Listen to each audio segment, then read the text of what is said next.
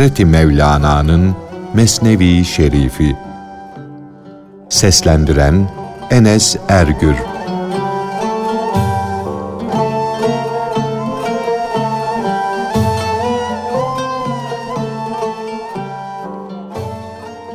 Nefsiyle savaşmamış, gölgede yetişmiş, aşk derdini çekmemiş, aşk elinden dağlanmamış, yalnız halkın kendisine secde etmesini, elini öpmesini, hürmetle ona bakıp parmakla da işte zamanımızda ermiş sufi budur diye göstermelerini sağlamak için sufilik yoluna girmiş bir kişinin gevşekliğinin ve yüreksizliğinin anlatılması.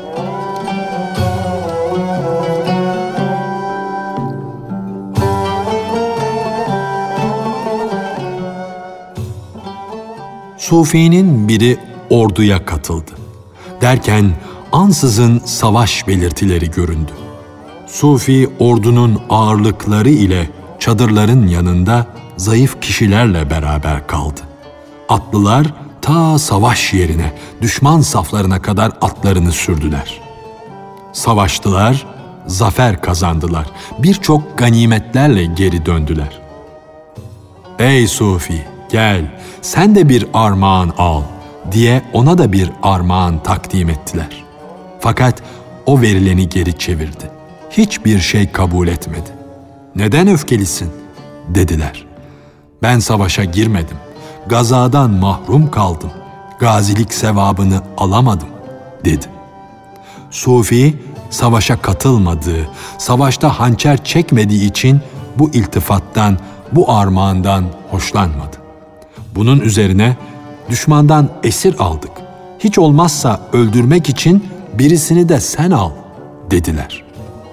Bu düşmanın başını kes de sen de gazi ol dediler. Sufi bu sözden biraz hoşlandı. İçi rahat etti. Sufi savaşa katılanların sevabını elde etmek için o elleri bağlı esiri aldı, çadırın arkasına götürdü. Sufi çadırın arkasında esirle bir hayli gecikti. Orada bulunanlar bu zavallı orada neden bu kadar geç kaldı diye söylendiler. İki eli bağlı esiri öldürmekte bu kadar gecikmenin bir sebebi olsa gerek. Birisi işi anlamak için gitti. Bir de ne görsün? Esir Sufi'nin üstüne çıkmamış mı? Erkek nasıl dişisinin üstüne çıkarsa o esir de arslan gibi Sufi'nin üstüne çıkmış. Elleri bağlı olduğu halde hiddetle Sufi'nin boğazını ısırıp duruyor. Esir dişleriyle Sufi'nin boğazını ısırmada, Sufi ise kafirin altına düşmüş, aklı başından geçmiş bir halde.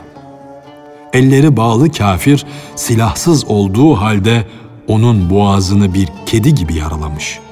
Esir onu yarı ölü bir hale getirmiş, Sufi'nin sakalı boğazından akan kana bulanmış. Gaziler bu hale kızdılar. Gayretleri kabardı. Kılıçla derhal o kafiri öldürdüler. Uyansın, kendine gelsin diye de Sufi'nin yüzüne sular serptiler. Gül suları döktüler. Sufi kendine gelince etrafındakileri gördü. Onlar da başına gelenleri ondan sordular. Allah Allah, ey Aziz dediler. Bu ne hal? Neden aklın böyle başından gitti? Nasıl olur da elleri bağlı, yarı ölmüş bir esir yüzünden aklın başından gitti? Sufi dedi ki, onun başını keseceğim sırada bana kızgınlıkla öyle acayip bir şekilde baktı ki, Gözünü açtı, bana öyle bir bakışla baktı ki aklım başımdan gitti. Gözünü hiddetle çevirip bana bakması bana bir ordu gibi göründü.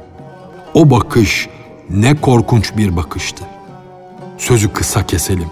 İşte o bakıştan korktum, kendimden geçip yere yıkıldım. Etrafında bulunanlar ona, sende böyle bir yürek varken sakın savaşa girişmeye heves etme eli bağlı esirin bakışından gemin parçalandı, battı. Erkek arslanlar saldırınca kılıçları düşman başlarını top gibi yere yuvarlar. Senin onların arasında ne işin var Yiğitlerin savaşlarından senin haberin bile yok. Böyle bir halle nasıl olur da kan içinde yüzebilirsin? Boyunlara vurulan kılıçların şakırtısı, çamaşır yıkayan kadınların çamaşırları tokaçla döverken çıkardıkları tak tak sesini hiç sayar. Nice başsız beden yerde ızdırap ile çırpınır, nice bedensiz baş kan denizinde kabarcıklar gibi görünür. İnsanları yok eden yüzlerce yiğit, savaşta atların ayakları altında yok olur gider. Bir fareden korkup uçan bu akılla o savaş safına nasıl katılıp kılıç çekeceksin? Sen de o sufi gibi eli bağlı olarak nefsinin altına düşmüş, alçalmışsın. Kendinden geçmişsin. Yoldaki bir tepecikten aciz kalmışsın. Halbuki o günde yüz binlerce dağ var. Bu kadarcık bir tepeden ürküp ölüye dönmüşsün. Önündeki dağ gibi bayırları nasıl aşacaksın?''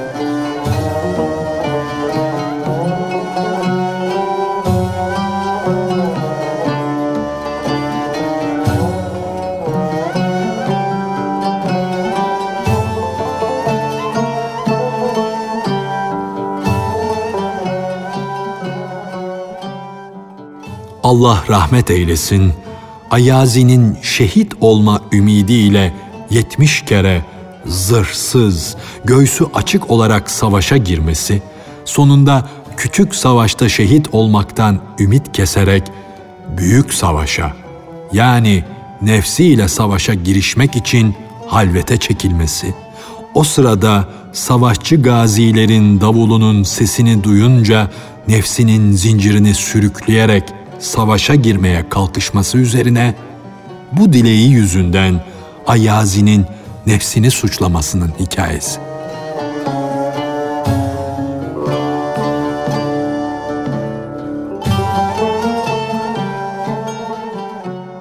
Ayazi dedi ki, belki bir yara alırım ümidiyle tam 90 kere zırha bürünmeden çıplak göğüsle savaşa girdim.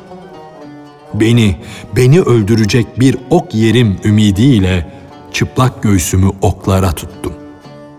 Boğazından yahut can alacak bir yerden ok yemek ancak devlet sahibi şehide nasip olur. Tenimde ok yarası almayan bir yer kalmadı. Bu tenim ok yaraları ile bir kalbura döndü. Fakat oklar beni öldürecek bir yerime gelmedi. Şehitlik bir baht işi, nasip işi, yiğitlik işi, akıl ve anlayış işi değil. Şehitlik nasip olmayınca acele halvete girdim. Çile çekmeye koyuldum. Bedenimi en büyük savaşa attım. Kendimi riyazata verdim. Az uyudum, az yedim, az içtim, zayıflamaya koyuldum. Kulağıma gazilerin davul sesleri geldi. Gaziler hızla savaşa doğru yürüyorlardı. Bir sabah vaktiydi. Nefsim içimden bana seslendi. Onun sesini can kulağı ile duydum. Nefsim bana kalk diyordu. Sabah vakti geldi. Yürü, kendini savaşa at. Ona ey habis, ey vefasız nefs dedim. Sen neredesin? Sendeki bu savaş isteme meyli nerede? Ey nefs, doğru söyle. Bu istek, bu hile bir düzen olmasın. Yoksa kendini şehvete kaptırmış olan nefis, ibadete, kulluğa yanaşmaz bile. Nefsime dedim ki, eğer doğru söylemez isen senin üstüne atılırım. Seni riyazatla daha fazla sıkıştırırım, daha fazla hırpalarım. O anda nefsim dilsiz, dudaksız, sessiz sedasız, güzel bir ifadeyle içimden seslendi de bana dedi ki, sen beni her gün öldürüyorsun. Canımı imansızların canı gibi işkencelerle sürükleyip duruyorsun. Hiç kimsenin benim çektiğimden haberi yok. Sen beni uykusuz, yemeksiz bırakmakta, beni yavaş yavaş öldürmektesin. Savaşa girerim. Can alıcı bir yara ile şu bedenden sıçrar, çıkar kurtulurum. Halk da benim yiğitliğimi, erkekçe can verişimi görür, beğenir. Nefsime dedim ki, ey nefisçik, hem münafık olarak yani iki yüzlü yaşamadasın hem de münafıkça ölmedesin. Sen nesin? Sen nasıl bir varlıksın? İki dünyada da müraisin, gösterişçisin, yüze gülücüsün. İki dünyada da hiçbir işe yaramazsın. Bu beden sağ oldukça halvetten hiç çıkmamaya, başımı bile dışarı çıkarmamaya ahdettim. Çünkü insan yalnız iken yani halvetteyken bedeni ne yaparsa yapsın onu ne erkek görsün diye yapar ne de kadın görsün diye yapar. Halvetteki hareketi de ancak hak içindir, oturup dinlenmesi de hak içindir. İnsanın halvette Allah'tan başka niyeti olamaz. Bu savaş büyük savaştır. O savaş küçük savaştır. Fakat her ikisi de Haydar ile Rüstem'in savaşıdır. Yukarıdaki hikayesi geçen eli bağlı esirin bakışlarından bayılan Sufi ile Ayyazi gibi kılıçlara göğsünü siper eden Sufi bir olur mu? Evet, o da Sufi, bu da Sufi. Yazık o Sufiye, o bir iğne ile ölmede. Bu ise kılıçlara karşı durmada. Bakıştan korkan Sufi'nin görünüşü Sufi'dir. Ama içi Sufi değildir. O cansız Rüstem gibidir. Bu çeşit Sufiler yüzünden Sufilerin adı da kötüye çıkmıştır. Balçıktan yoğrulmuş bedenin kapısına, duvarına hak gayrete gelmiş de yüzlerce sufi resmi yapmıştır. Bir sufi de vardır, o savaş safına yaralanmak ümidiyle yirmi kere girer. O sufi savaş zamanında Müslüman savaşçılarla beraber kafirlere hücum eder. Müslümanlar geri dönerler de o gerçek sufi geri dönmez, savaşa devam eder. O yaralanır, yarasını sarar, yine hücum eder, savaşır. İnsan bir yara ile ölmez diyerek yirmi yara alır. O bir yara ile can vermeye hayıflanır. Yiğitliği yüzünden canının kolayca kurtulacağına üzülür.''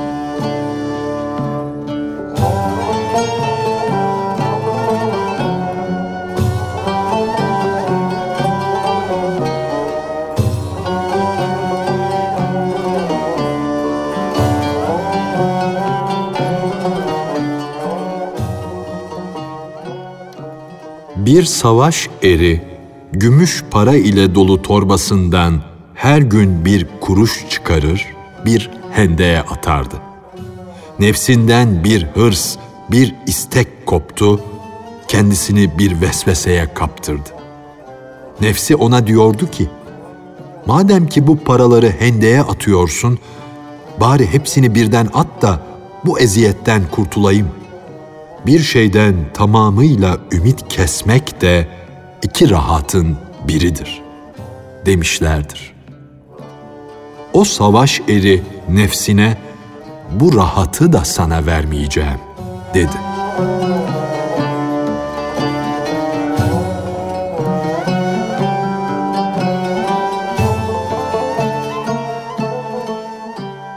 Birisinin elinde kırk kuruşu vardı her gece bir kuruşunu denize atardı.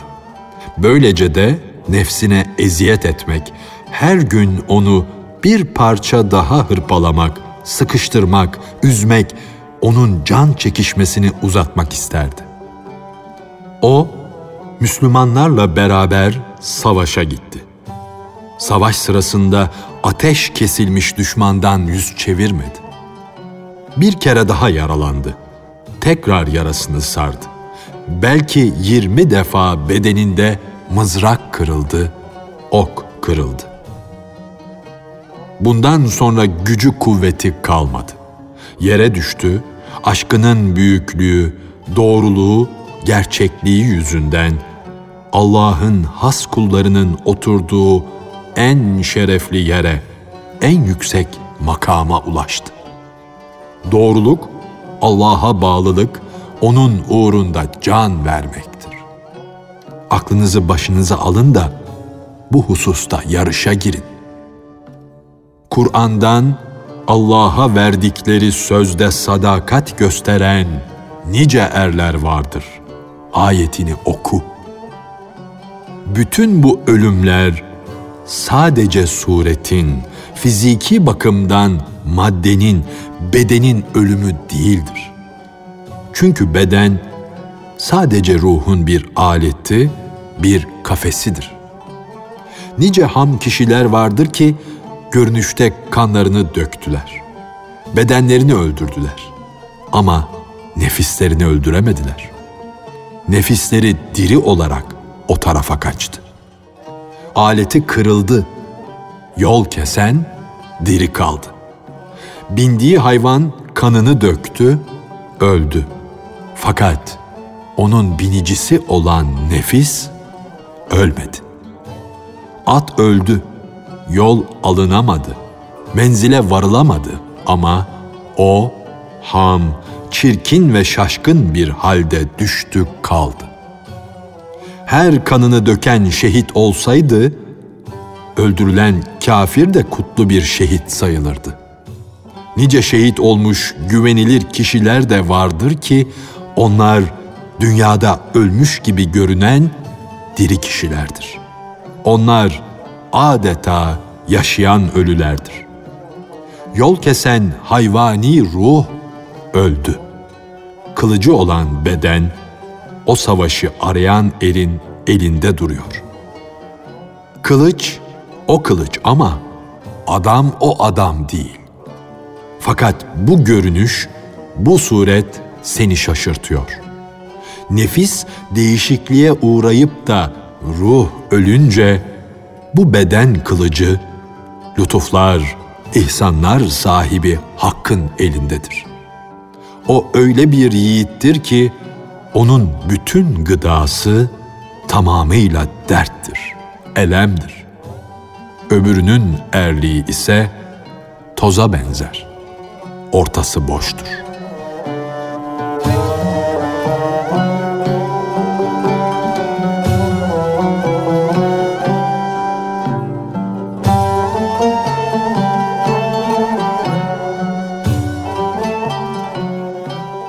Hazreti Mevlana'nın Mesnevi Şerifi. Seslendiren Enes Ergür